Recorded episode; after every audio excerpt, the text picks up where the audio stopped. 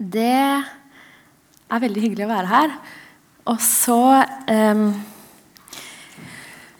Kveldens tema det har liksom levd i meg en stund. Og så kjenner jeg at når jeg skal dele noe, så er det ekstra viktig at det liksom har truffet meg først, for at jeg skal kunne gi det videre uten at det blir for tørt, hvis vi kan si det sånn. Um, så jeg tror det viktigste jeg har oppdaga denne gangen, det er at det er mye som har truffet meg. når jeg har tenkt på dette temaet. Og så er min bønn for dette møtet at dere skal få kjenne at det treffer dere også. Uh, så jeg håper at vi bare kan be litt til sammen. Samle tankene litt og synke ned i stolen. Jeg trenger alltid å be før jeg taler. Kjære himmelske Far, takk for at du er her sammen med oss. Takk for at du vil oss noe. Takk for at du har gitt oss din Hellige Ånd, at du kan tale til oss i våre liv, at du kan møte oss her vi er. Takk for at du kjenner oss fullt ut og vet hva vi trenger å høre. Og takk for at du har all makt til å åpenbare sannheter fra deg inn i våre liv ettersom vi trenger det. Nå ber jeg om at du må være her med din fred. Jeg ber om at du må hjelpe oss til å løfte blikket på deg og få lytte til ditt ord og det som du har lagt meg på hjertet, Jesus. Amen. Um, hvis dere har behov for noen sånne knagger i dag, så har jeg fire ting. Det er litt sånn upedagogisk tror jeg, å ha fire ting, men jeg har fire ting på hjertet til dere med utgangspunkt i 'tok bolig blant oss'. Um, det er jo et uttrykk som peker på Jesus, og det er jo på mange måter et perfekt førjulstema. sånn sett.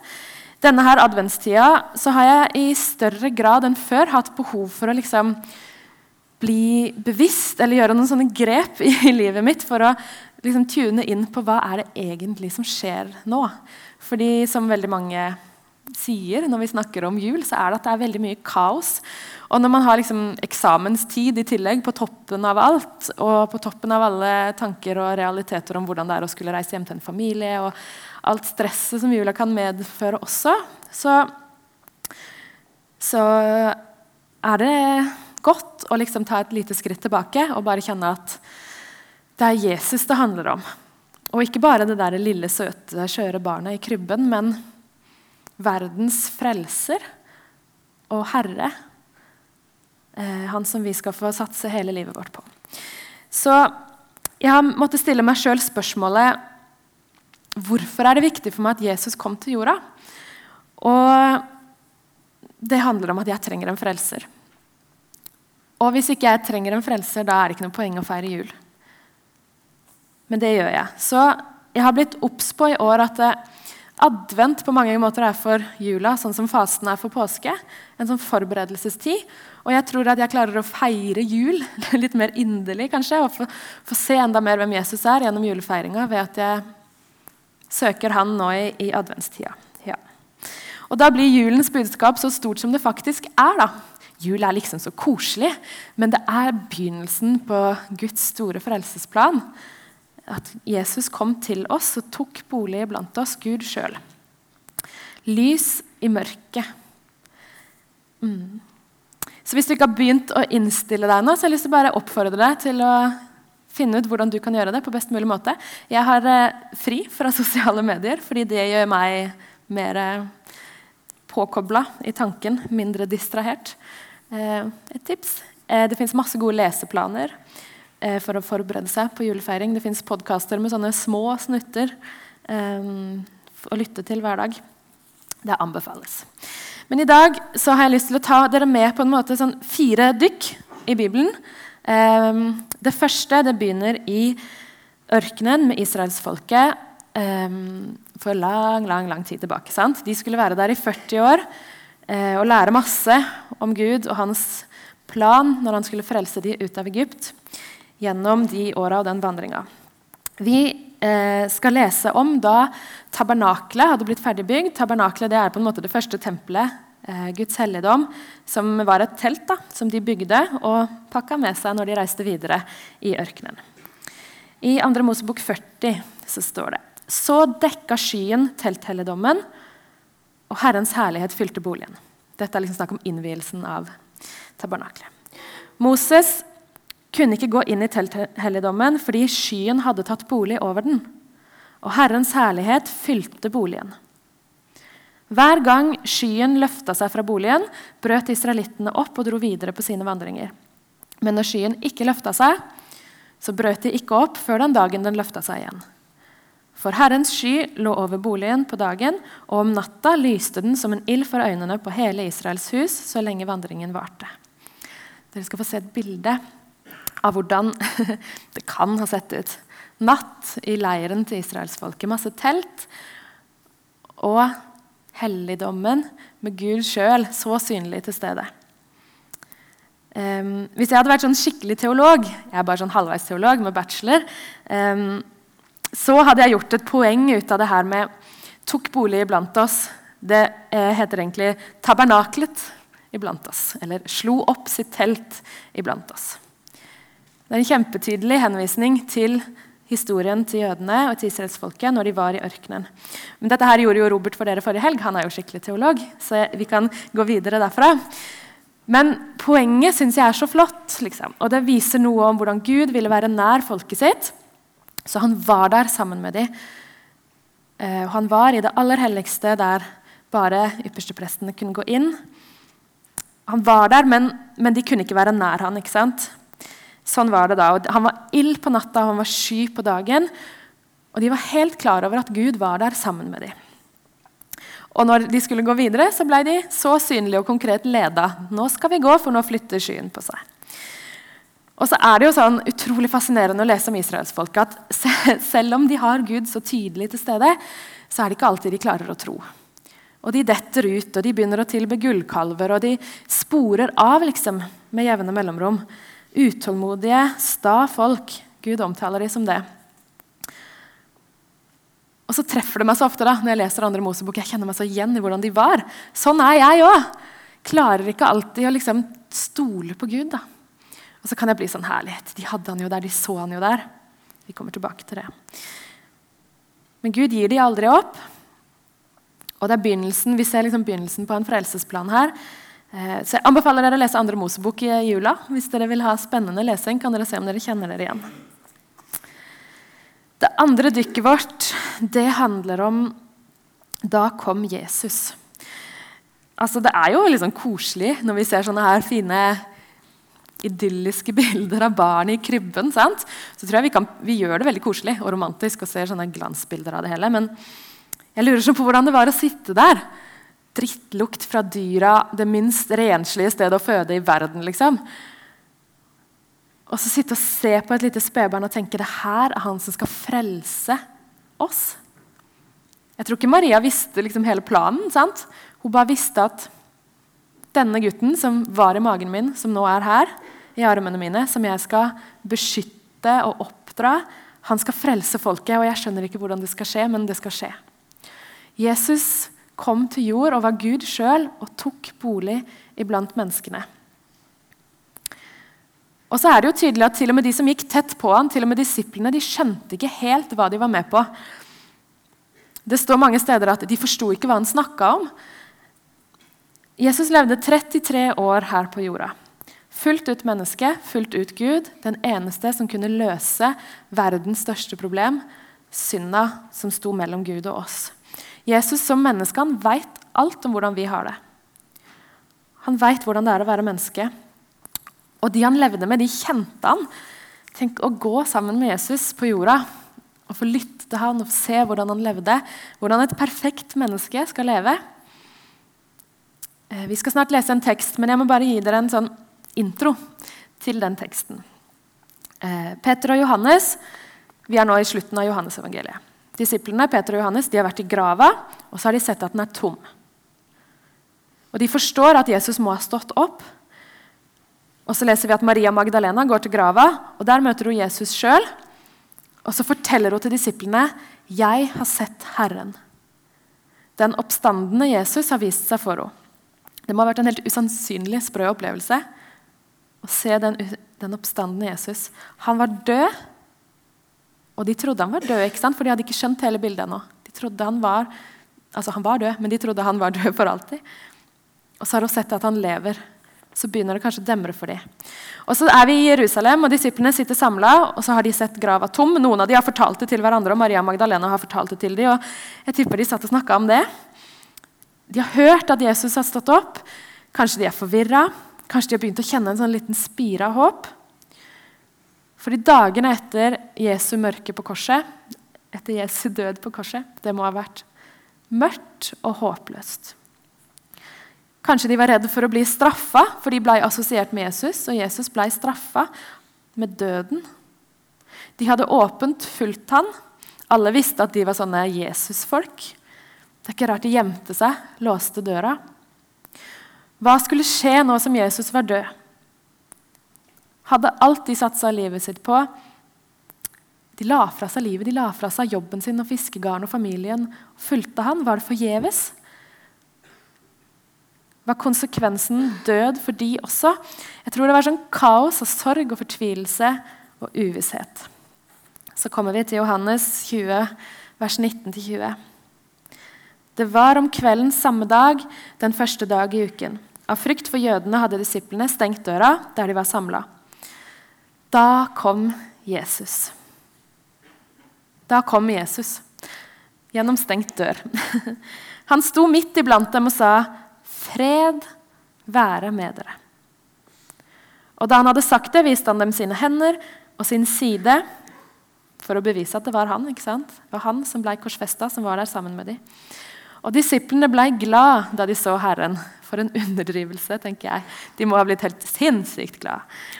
Igjen sa Jesus til dem, 'Fred være med dere. Som Far har sendt meg, sender jeg dere.'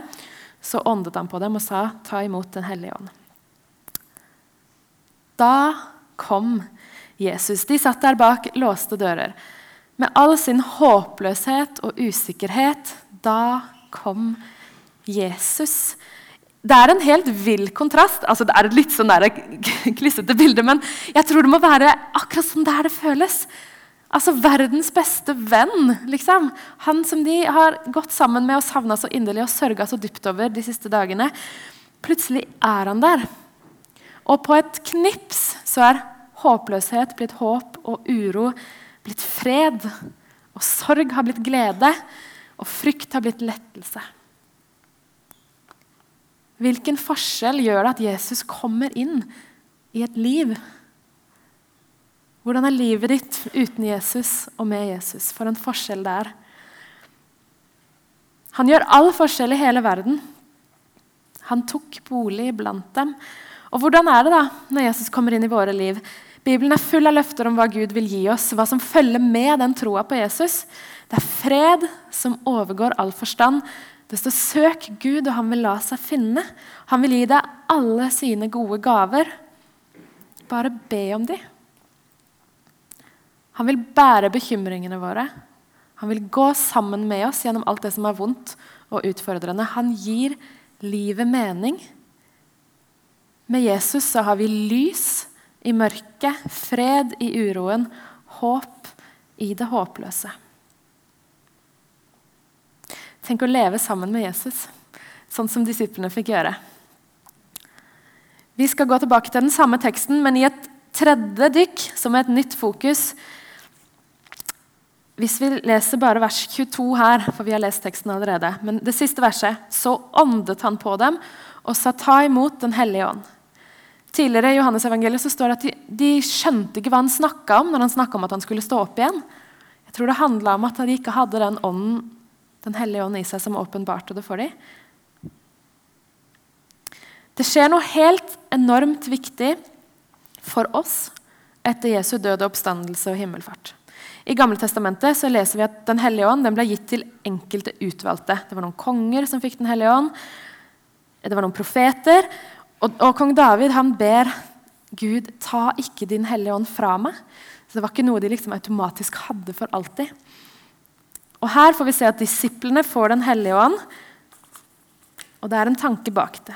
Og etter pinsedag i begynnelsen av apostlenes gjerninger så leser vi om at Den hellige ånd, Guds ånd, Gud sjøl, blir gitt til alle som tror. Og Muligheten for å tro den gjelder nå ikke bare israelsfolket, men den gjelder alle i hele verden. Det er ikke bare Guds folk, israelittene, jødene, som skal få leve nær Gud. Det er ikke bare de som er invitert inn gjennom Jesu død og oppstandelse, men det er alle mennesker. Og det gjør at vi er inkludert. Hedningene her i Norge. Det gjelder oss også. Og Jesus snakker om det her mens han lever, men det er så vanskelig for disiplene å forstå det. For alt har ikke blitt åpenbart for dem. Men etter at han har stått opp igjen og de har fått Den hellige ånd, så forstår de alt sammen. Vi skal lese fra Johannes 14 når, Gud, nei, når Jesus snakker om Den hellige ånd, som han skal gi dem. Og han sier i Johannes 14.: Jeg vil be min far, og han skal gi dere en annen talsmann som skal være hos dere for alltid. Sannhetens ånd, som verden ikke kan ta imot. For verden ser ham ikke og kjenner ham ikke, men dere kjenner ham. For han blir hos dere og skal være i dere. Jeg lar dere ikke bli igjen som foreldreløse barn. Jeg kommer til dere. Snart ser ikke verden meg lenger, men dere skal se meg, for jeg lever, og dere skal også leve. Men talsmannen, Den hellige ånd, som far skal sende i mitt navn, skal lære dere alt og minne dere om alt det jeg har sagt dere. Hvis vi går to skritt tilbake, så leste vi om israelsfolket som hadde Gud som en helt nær og synlig skysøyle og ildsøyle. De visste hvor er Gud? Han er der, i det aller helligste. Han har fylt boligen. Og så I korte øyeblikk så kan jeg tenke å, så heldige de var. De kunne se Gud der. De visste at han var der. Og tro det. Det må ha vært så enkelt, kan jeg tenke. Og så leste vi om disiplene som faktisk levde sammen med Jesus. Det var som han var her i rommet sammen med dem. Som et menneske. Og I korte øyeblikk så kan jeg tenke så heldige de var. De så han, de hørte han, de levde tett på han. Men sannheten er at du og jeg vi er mye heldigere enn både israelsfolket i ørkenen og disiplene og de som levde på Jesu tid. Vi har fått Den hellige ånd, Gud sjøl, i oss når vi tror. Og så kan vi fort gjøre det til et sånt stort spørsmål. Men tror du på Jesus? I 1. Korinterbrev kapittel 12 så står det ingen kan si 'Jesus er Herre' uten i Den hellige ånd. Tror du at Jesus er Herre? Da har du Den hellige ånd. Vi kan si mye mer om Den hellige ånd, men så enkelt kan vi også si det. Gud har tatt bolig i oss. Han tok bolig blant oss, han tok bolig i oss med sin ånd. Han kan være så nær som ingenting annet. Og Den hellige ånd den skaper tro i hjertet vårt. Den viser oss at vi trenger Jesus, at vi er fortapte syndere med behov for frelse. Den hellige ånd oppdrar oss og lærer oss og hjelper oss til å leve livet vårt sammen med Gud og vil forandre oss sånn at vi kan bli mer og mer lik på Gud. Det er utrolig spennende å leve som kristen under konstant påvirkning av Gud gjennom at vi har Den hellige ånd i oss. Det siste og fjerde dykket. Vi skal lese den samme teksten enda en gang, men nå skal vi lese det nest siste verset spesielt. Jesus er der sammen med de og sier, 'Fred være med dere. Som Far har sendt meg, sender jeg dere.' En verden uten Gud, det er en mørk verden. Dit sendes vi. Til en mørk verden. Og lyset det er en helt enorm kontrast til mørket.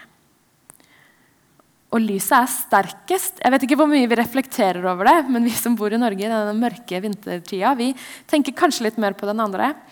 Jeg har sett en gang en tegneserie som Jeg husker ikke ja, hvilken, men gjorde, poenget gjorde inntrykk på meg. Det er en tegning av en dør som står på gløtt, og så sier han ene 'Lukk døra, da. Må, du må ikke slippe mørket inn'. Og så ser du liksom at mørket utafra liksom faller som en skygge innover over rommet. Og så er det så utrolig eh, sær tanke at mørket liksom skal komme og ta over lyset. fordi det er jo lyset som er sterkest. Hvis du åpner ei dør på gløtt, så er det jo lyset innafra som siver ut i mørket. Lyset er så sterkt det er sterkere enn mørket. Og Det er et enormt stort og viktig bilde på hvem Jesus er. Hvordan Jesus er sterkere enn mørket. Han er sterkere enn djevelen, han er sterkere enn døden. Mørket må vike når lyset kommer. Og Med Den hellige ånd i oss er det akkurat som vi kristne blir sånne små lysglimt rundt i en mørk verden. Guds herlighet stråler igjennom oss. Og andre kan se det, og andre skal se det på oss, at det er noe annerledes med oss. og det er noe kraftfullt i oss. Det skal merkes at vi lever. Har dere sett sånne her nattbilder av jorda? Sånne små lys i mørket. Jeg ser for meg at det er sånn vi er. Det hadde vært skikkelig gøy å bare hatt en mørkt Oslo-kart her nå, og så hadde dere bare plassert ut hvor dere bor. Og så hadde vi fått et sånn Oslo-kart hvor vi ser masse små lyspunkt, fordi det er plassert kristne. Ikke bare dere, men alle de kristne i Oslo. ikke sant? Det er plassert utover byen. Så kunne vi sett så tydelig illustrert hvordan Oslo er en by som er mørk, men det er masse små lyspunkt pga. de kristne som bor rundt i byen. Tenk for et syn det hadde vært. Og så har jeg sett for meg et sånt bilde over stedet der jeg bor nå. Vi har akkurat flytta til et lite sted som heter Gressvik i Fredrikstad. Som, vi har bare bodd der i tre måneder, men eh, allerede nå har jeg begynt å ane et lite mønster i det vi blir kjent med. Og jeg hadde lyst til å dele det med dere, ikke fordi det er noe spesielt med Gressvik, eller noe spesielt med at vi flytta, men det er så utrolig trosstyrkende å merke det. Vi har blitt kjent med noen kristne som er på vår alder og i vår situasjon, med unger. Og Så har vi blitt kjent med noen som er studenter i byen. Og så har vi blitt kjent med noen som bare jobber. Det er liksom forskjellige folk, men fellesnevneren for veldig mange av de er at på spørsmålet 'Hvorfor bor dere her?' så er svaret 'Vi vet ikke helt'. Det har aldri vært i vår langtidsplan å flytte til Gressvik, sier vi. Og det sier de ikke oss heller. Noen er sånn det bare blei sånn, og noen er sånn nei, vi spurte Gud hvor vi skulle flytte, og fikk ikke, fikk ikke fred for noe annet. Som er litt sånn kristenspråket vi bruker, kanskje. når vi er litt usikre på hvorfor. Men det er litt store ord å ta i munnen. Jeg føler at Gud har leda oss til Gressvik. Men det er det vi føler, vi. da. Og det er nok kanskje det mange av de andre vi snakker med der òg føler. Og så tenker jeg på det kartet over Gressvik over Fredrikstad, og så ser jeg sånne små lysglimt. Ingen av oss som bor vegg i vegg. ikke sant? Vi er satt blant naboer på forskjellige måter for å være lys. Hva vil Gud med det, spør jeg meg sjøl skal vi få se flere mennesker komme til tro og bli lyspunkt på Gressvik og i Fredrikstad. Det er jo det vi ber om, alle vi som tilfeldigvis har flytta dit. Kanskje skal du òg flytte dit? Velkommen. Vi kan by på et hyggelig fellesskap. vi er litt usikre, vi er litt spente, vi er liksom forventningsfulle. Men vi er helt sikre på at Gud vet hva han vil med det. For vi spør Gud hva kan du bruke oss til. I sangen 'Dine løfter er mange' så står det følgende vers. Lær oss elske hverandre og se hva det er du har ment med at vi bor der vi bor. Hjelp oss vitne om Jesus for fjern og for nær. La ditt ord nå ut til hele vår jord. La oss få se hva det er du har ment med at vi bor der vi bor. Dette her handler ikke om at det er bare når jeg har flytta til Gressvik at det er meningsfullt å bo der jeg bor. Det var like meningsfullt å bo på Løren her i Oslo. Gud kan bruke deg der du bor akkurat nå.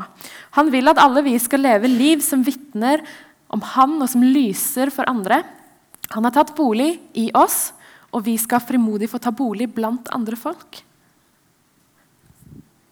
Vi er kalt til å søke Gud og hans vilje med livet, med våre liv. Hans vilje for våre liv. Og så skal vi få spørre han hver eneste dag hvordan kan jeg være med å ære deg, Gud, med livet mitt i dag. Ei jeg går i bibelgruppe med Det var bibelgruppe de er på Gressvik òg, skjønner dere. Ei jeg går med i bibelgruppe der, hun spør Gud hver dag når hun går på jobb. Gud, kan ikke du gi meg muligheten til å snakke med noen om Jesus i dag? Hun er sykepleier. Og så, så sa hun liksom bare sånn Og så får jeg muligheten, da. Og så er det bare så enormt trosstyrkende og gøy å høre. Det begynner bare med den bønnen. ikke sant? Et villig hjerte. Gud, hva kan, hva kan jeg få si da? Hvilken mulighet kan jeg få? Og så gir Gud muligheter. Og så er du kanskje på et sted i livet Det er jo alltid en større prosentvis sjanse for det når man er i en studentmenighet. Um, at du kanskje er litt sånn usikker på hva framtida vil bringe. Kanskje vet du ikke hva du skal neste år, kanskje vet du ikke hva du skal om fem år. Men spør Gud hvor han vil ha deg. Ikke la det bli en sånn byrde du skal bære alene. Du skal prestere og gjøre noe som Gud vil, men bare snakk med Gud om det. Kanskje du skal komme til Fredrikstad og bli med oss. Kanskje du skal flytte hjem igjen, selv om det òg nesten kan føles litt lite proaktivt eller spenstig. Men kanskje det faktisk er behov for deg der du kommer fra. Kanskje du skal reise ut som misjonær. Kanskje du skal flytte til et helt ukjent for deg sted i Norge fordi det trengs lys i nabolagene rundt i Norge. Det eneste jeg er sikker på, det er at Gud vil bruke deg. Han har kommet og tatt bolig iblant oss fordi han vil at hele verden, alle mennesker, skal bli frelst. Og det skal vi få være med på. Vi skal få være lys med livet vårt der vi er, og ikke bare en gang i framtida, men du er det akkurat nå. Så akkurat nå er bønnen hvordan kan du bruke meg til å være lys akkurat her jeg er nå. Vi skal be sammen til slutt. Kjære himmelske Far, jeg takker deg for at du kom til jord som et skjørt, lite spedbarn, fullstendig avhengig av at noen tok vare på deg. Takk for at du gjorde deg så liten for at vi skulle få se hvor stor du er. Må du vise oss hvor avgjørende du er for liv og død. Og må du vise oss hvor avgjørende det er at andre mennesker får se akkurat den sannheten. Må du vise oss inn i våre liv at vi trenger deg, at vi er fortapt uten deg, sånn at vi kan få feire jul med uendelig stor takknemlighet. Må du velsigne jula som ligger foran oss. Må du gi oss det vi trenger for å feire med senka skuldre og løfta blikk. Må du skape et takknemlig hjerte i oss for det du har gjort, og det du gjør, og det du vil gjøre i våre liv. Ære være Gud i det høyeste. Amen.